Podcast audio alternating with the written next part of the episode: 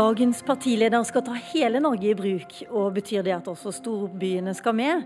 Ingen andre partier ønsker så, eller har så stor spredning mellom by og land i sin oppslutning.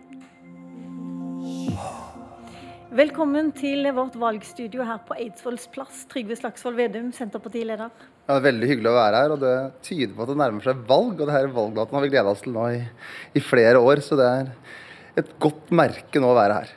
Det er bra. Vi står i landets største kommune, men du pleier jo ofte å snakke om de mindre kommunene, så la oss begynne med de aller minste. Hvor, stor, hvor liten kan en kommune egentlig være? Vi trenger et mangfold av kommunene, sånn som Oslo, som er den flotte hovedstaden vår. Men så har vi noen øykommuner òg, sånn som Utsira, som bare er noen hundre innbyggere. For det ligger der det ligger. 201 innbyggere. Ja, og Norge er så mangfoldig. Og Derfor så må vi ha en eh, kommunestruktur tilpassa den Norge vi, Norge vi, er. Altså Vi har storbyer, vi har øyer, vi har det unike samfunnet på Finnmarksvidda. Og det er det herre mosaikken av ulike samfunn som har skapt det gode Norge, som har gitt verdier til oss alle, og som gir framtidstro og optimisme i store deler av Norge. Men eh, Du har Utsira som en øy i havet, men du har også nest minste kommunen, som er Modalen i Hordaland, og 370 innbyggere.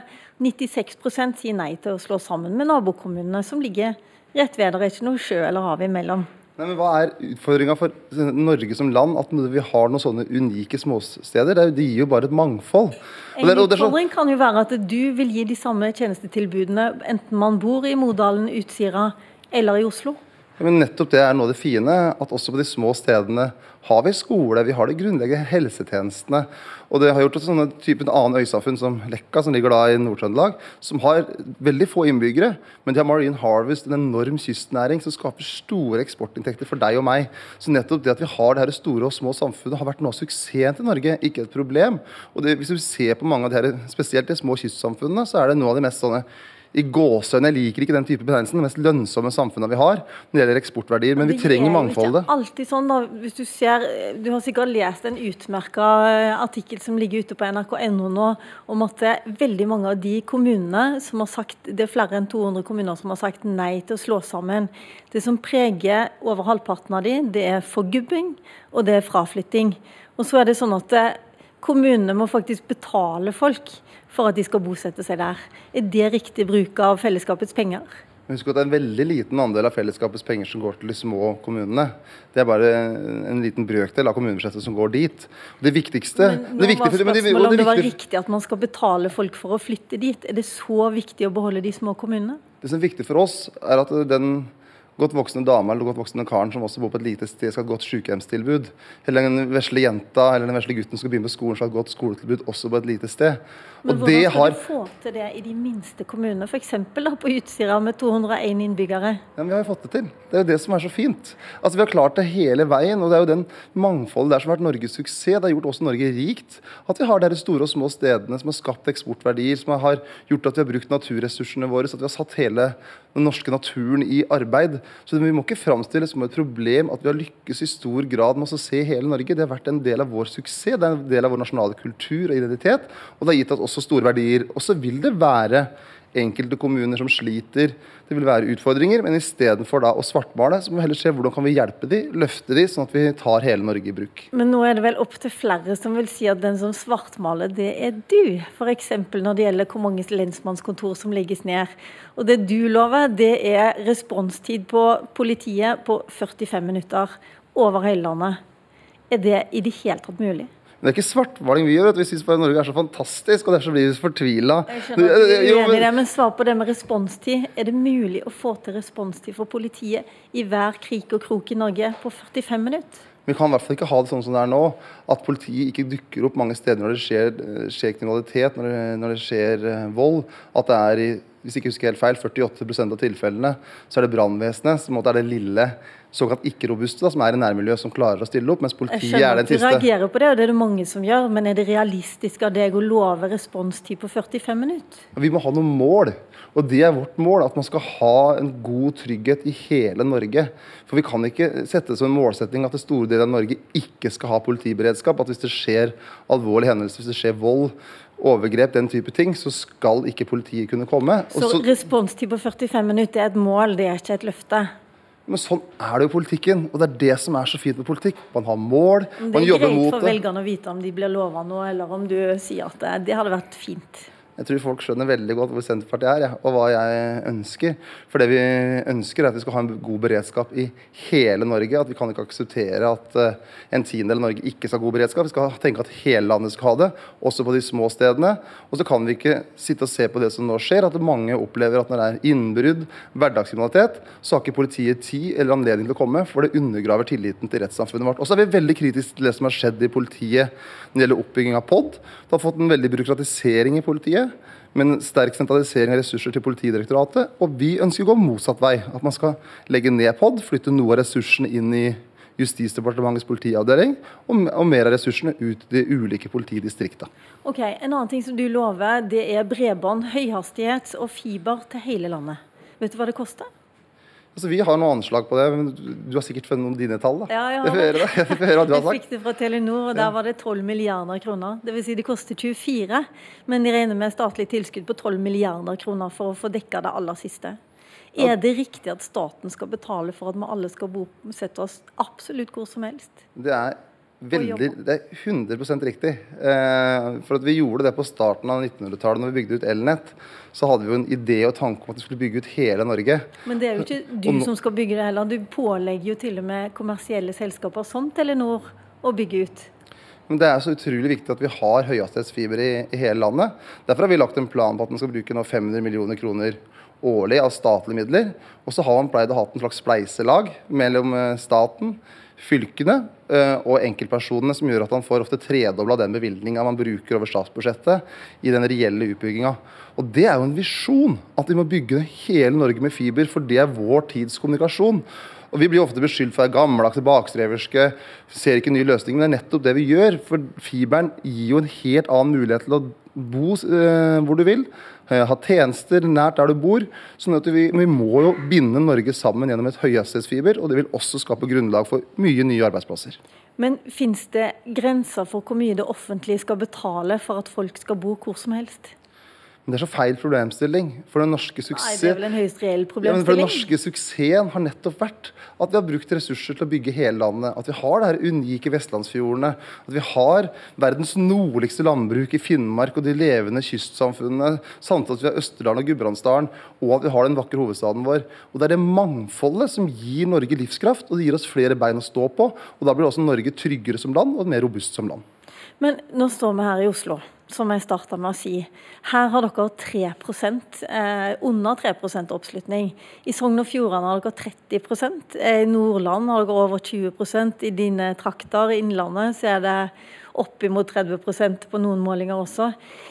Hva tenker du om de enorme, den enorme spriket mellom eh, by og land i oppslutning? Ingen i nyere tid har hatt det. Er det et problem for dere som skal liksom ta hele Norge i bruk? Ja, det er helt strålende for at vi nå begynner å få sånne målinger med over 30 og over 20% i fylke etter fylke. og At vi er nest størst i veldig mange fylker nedover kysten og i Nord-Norge og i Innlandet. Det er jo fantastisk. Det skjønner jeg, men Hva tenker du om Oslo, da, som ikke er med på denne oppturen i det hele tatt? Ja, men Det er det som er så bra, for det viser at vi har enda større vekstpotensial. For nå har Vi jo, vi hadde jo 0,9% i Oslo, tror jeg, i sist stortingsvalg. Siste målinga nå var det en tredobling. Hva vil du gjøre for Oslo, da? Hva jeg vil gjøre for Oslo? Eksempel, hvis du drar ned i Bjørvika, så ser du det flotte nasjonale operabygget. Hvilket parti var det som fikk på plass det? Jo, det var Senterpartiet.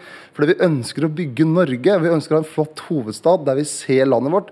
Men det skal være en hovedstad for alle. Men det er jo ganske mange år siden Arne Enger Landsten var med på å sikre eh, operaen. Så da har du kanskje tenkt på et nytt kulturbygg, da? Er det det du men- prøver å fortelle oss nå? Ja, men Det er jo en del av den nasjonale kulturpolitikken. At vi tar vare på Nationaltheatret. At vi bruker ressurser til felles institusjonsbygging for landet vårt. Så mener vi at det vil være en ulempe for Oslo hvis for mange flytter hit. For det skaper større pressproblemer. Det vil gjøre at vi mister en del av de grønne lungene. Det gjør at man får en press på, på markagrensa. Og at vi må utvikle Oslo som den storbyen, men med veldig mye småbypreg. Det er det, det som har gjort Oslo så unikt. Så du skal egentlig hjelpe Oslo du, med at det ikke blir for stort? Jeg tror det er en veldig fordel at den skal ha en forsiktig, gradvis eh, vekst. Ikke den her, eh, tankegangen som har vært nå, at det er om å gjøre fortette Oslo mest mulig fortest mulig. Eh, der man har kutta ned på standarden på bolig for at man skal presse mest mulig folk inn. Det skaper pressproblemer, og det gir ikke bedre liv. Det viktige for oss det er å skape en barnevennlig by, som også er vennlig for den eldre generasjonen. For er den vennlig for barn, så er den eh, vennlig for de eldre. Og så har vi satset på jernbane intercity, som gjør at vi kan spre veksten i et større område. Abid Raja er ute i dag og sier at eh, dere er veldig lite interessert i å satse på infrastruktur i storbyer. Dere satser mye mer på infrastruktur, særlig veier i utkanten. Ja, men jeg, hørte at Abid sa det. Det må han få lov til å si. Men hvis Abid begynner å se litt på historien, og se hvilken samferdselsminister som løfta intercity, så at vi skulle binde Østlandet sammen, og også tenke at intercitybygginga skulle gjøre jernbanestrekningen f.eks. Oslo-Trondheim kortere, så var det Senterpartiet som samferdselsminister. Så du lover å være en samferdselstalsperson også for Oslo? Vi har hatt en veldig tung satsing på jernbane. for Vi mener at rundt Oslo, på Østlandet, så er jernbanen en veldig viktig del av svaret. Og så har vi vært kritiske til Venstres diskusjon om samferdselspolitikken. For de har glemt at Norge er mer enn Oslo sentrum. Og jernbanen er ikke svaret for hele Norge, men jernbanen er en viktig del av svaret for da jeg bor f.eks. i Stange-Hamar. Eh, så er det kjempeviktig for dobbeltspor. Dessverre så har dagens regjering redusert ambisjonene med Venstres velsignelse på å få jernbanesporet inn til Hamar sentrum. Ok, Vi skal over til et annet tema som du ikke snakker så mye om, men som Venstre er faktisk ganske glad i å snakke om. Eh, ikke minst Trine Skei Grande, som var her i forrige uke. Hun mener at hun ser ikke noe forskjell på Senterpartiet og Fremskrittspartiet når det gjelder asyl- og flyktning- og innvandringspolitikk. Hva tenker du om det? Ser du forskjell? Det som, var, eh, det som skjedde i denne perioden her, i 2015, så hadde vi Altså det internasjonale systemet var i en krise. Eh, når det gjaldt eh, flyktning- og asylpolitikk. Og det norske systemet også var i fullstendig krise.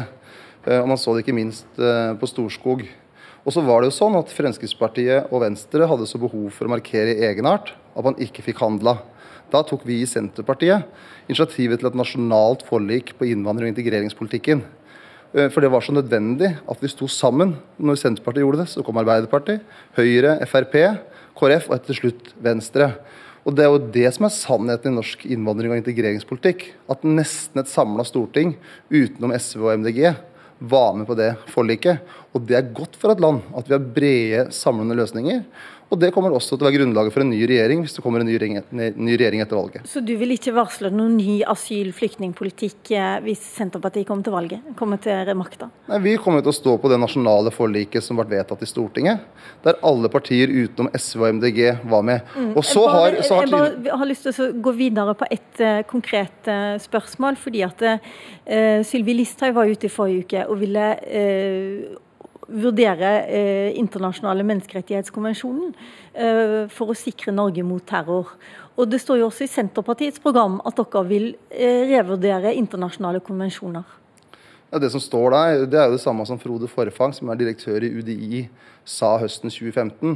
For at systemet kollapsa. Eh, og det Frode Forfang var opptatt av da, eh, og som vi er opptatt av nå, er jo at når det blir store kriser, så takler ikke dagens asyl- og flyktningsystem de utfordringene. Og at det, som han skrev da, da altså, det stimulerer egentlig til kriminalitet. At det er de som har råd til å betale menneskesmuglere, som kommer best ut av det. Og det, så Alle vi som er opptatt av å behandle folk med anstendighet, som mener at vi ikke kan se på all den lidelsen vi ser i verden, vi må også være åpne og skikkelig på at dagens system fungerer ikke godt nok. Og Det er det vi har sagt sammen. Det var også et samla storting som sa nesten at vi må se på konvensjonene. Og de fremste fagfolka i Norge eh, sier det, nettopp fordi at vi, vi må ta inn over oss den situasjonen som det er. Og da må vi sørge for å ha et system som ikke premierer menneskesmugling, men som premierer menneskelighet. Så det betyr at du er kanskje litt uenig med Jonas Gahr Støre, som mener at denne regjeringen fører til et kaldere samfunn. Det var han ute og sa i, i helga, når du egentlig vil ha mye av det samme. Men både Arbeiderpartiet og Senterpartiet var med på det brede forliket. Men det som jeg har reagert veldig på, som har jobba en del med integrering også privat, det er den splittende retorikken. For noe av grunnen for at Senterpartiet tok initiativ til et nasjonalt forlik på innvandringspolitikken, var at vi vet at hvis det blir for mye spenninger, så er det ikke mulig å lykkes med integreringa. Derfor så sier vi i vårt program at vi vil satse mer på norskundervisning. Eh, komme tidligere i gang. Ha en, mer praktisk introduksjonsprogram der vi ser den som kommer. For vi må behandle de som kommer som en bror eller søster. Men vi kan ikke ta imot flere. At vi klarer å få folk inn i arbeid, få det inn i lokalsamfunnet, så vi får et godt samfunn. Både for oss som har bodd her over tid, og de som er det nye som kommer nå. Ok, Slagsvold Vedum, du, eh, du, får bare forberede deg på litt kortere svar. Okay. For Nå skal vi inn på et område som er litt annerledes. For Da de rød-grønne samla seg i 2005, hadde de gjort unna de vanskeligste diskusjonene om forholdet til EU, Nato og handlingsregelen. Før valgkampen starta, la de fram 155 punkter de var enige om. Denne gangen har dere ikke klart å samle dere om noen felles politikk, og vi vet heller ikke hvem som skal samarbeide.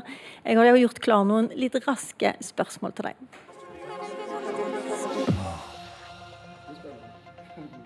Først, er du enig med Jonas Gahr Støre i at det ikke er aktuelt å samarbeide i regjering med Rødt eller MDG? Ja. Hvis de borgerlige mister flertallet, vil du da be KrF skifte side og samarbeide med dere? Nei, nå, for, altså, nå, er det så mye tvil i KrF, så de får lov til å tvile sjøl. Og så har vi sagt at eh, vi har samarbeidet med dem før, og så får vi respektere at de nå helst vil ha Erna Solberg. Og så får vi se om de tviler seg til et annet standpunkt etter valget. Er det likegyldig for deg om det blir KrF eller SV du skal samarbeide med? Nei, jeg syns hele den debatten om samarbeid er så utrolig ødeleggende. Det vi har sagt er at vi ønsker en Senterparti- og Arbeiderparti-basert regjering. Og så får andre partier svare for seg, men det er vårt mål. Dere stiller ingen ufravikelige krav, som SV har gjort. Men hva tenker du må være der om du skal i regjering? Altså helt, altså Arbeiderpartiet har heller ikke stilt noen ufravikelige krav overfor oss. Og Vi er ikke noen lillebror til Arbeiderpartiet, vi er en strategisk partner til Arbeiderpartiet. Og vi skal gjennomslag for helheten i politikken vår. Så vi kommer til å være tydelige og klare. Og vi vil ha tjenester nær folk. Hvor mange statsråddresser har du egentlig? Har du like mange som fjøsdressene? Ja, dessverre, egentlig, så tror jeg har det. det, altså, det jeg har slutta med ku de siste åra, for jeg har ikke tid til å drive med det lenger. Så nå har jeg jo ja, honningdress, og jeg har drivet og kjører korn. Og jeg har også en del eh, statsråddresser, men poenget er jo ikke Hvilken statsrådpost er det du ønsker å bruke den fine dressen i? Nei, den, den, får jeg bruk for om det er i Stortinget eller som statsråd. Jeg syns hele denne diskusjonen om posisjoner er litt sånn ødeleggende. For det er politikkens innhold som er det viktige. Okay, og spesielt i journalistikken er altfor mye snakk om spill. Altså La oss snakke om hvilket Norge vi vil ha, i stedet for alle de her posisjonsdiskusjonene. Men det de fleste regner med, er at dere gjerne vil ha forsvarsministerposten. Og det dere har vunnet mange stemmer på, bl.a. i Nordland, det er at dere ikke ønsker å legge ned Andøya flystasjon. Hvor viktig blir den saken for dere? Er kjempeviktig.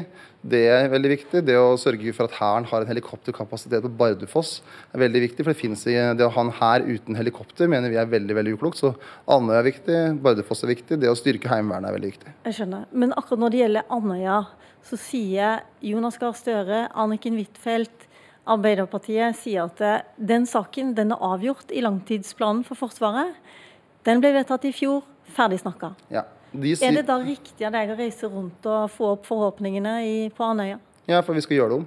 Altså Arbeiderpartiet kan si, si det, men vi er ikke enig. Eh, og vi har eh, nå et valg om eh, 14 dager, og det er velgerne som avgjør hvilke partier som får styrke. Og hvis Senterpartiet får eh, posisjon og makt, så kommer vi til å gjøre det vi kan for å finne den beste forsvarsløsningen, som er Andøya. Og vi vet at det er stor usikkerhet rundt de tallene som er på Andøya. Ifølge forsvarssjefen så er ikke det prioritert fra han. Han ønsker å flytte det til Evenes. Men han har gitt sine eh, råd innenfor en gitt økonomisk ramme. Vi mener at det er et uh, uklokt valg, fordi at det er et veldig godt uh, miljø for uh, overvåkningsfly på, på Andøya. Og det, og det, ligger som et, som det ligger som hangarskip langt ute i havet, mm. som er et meget god strategisk plassering. Men, litt, men mangelfullt luftvern, da, er det de sier. Men la meg si en annen ting. 50 000 heimevernssoldater er det dere vil ha. Det står ikke engang på topp tre-lista av det forsvarssjefen mener at han trenger hvis han skal ha mer penger. Altså, Punkt 1 så har, jo, har det vært vedtatt nå 45 000 styrker. Så har dagens regjering eh, vedtatt å redusere det med 7000 mann, noe vi mener er dypt uklokt. Og så mener vi at punkt 1 først skal tilbake til 45 000, deretter opp til 50 000 for å ha en tilstedeværelse og god beredskap i hele Norge. Og så er det viktig å huske nå at sjefen for Heimevernet, det øverste general, har trua med å trekke seg for at han syns at de løsningene som dagens regjering har skissert og vedtatt, er så ukloke og så uforsvarlige. Og vi trenger en helt annen satsing på et sterkt heimevern som ser hele Norge, og at vi har beredskap i hele Norge. Eh, du har snakka mye om langtidsplanen og regjeringens reformer, som du vel aldri sier noe særlig positivt om. Men jeg har lyst til å slutte med den første setningen i Senterpartiets program.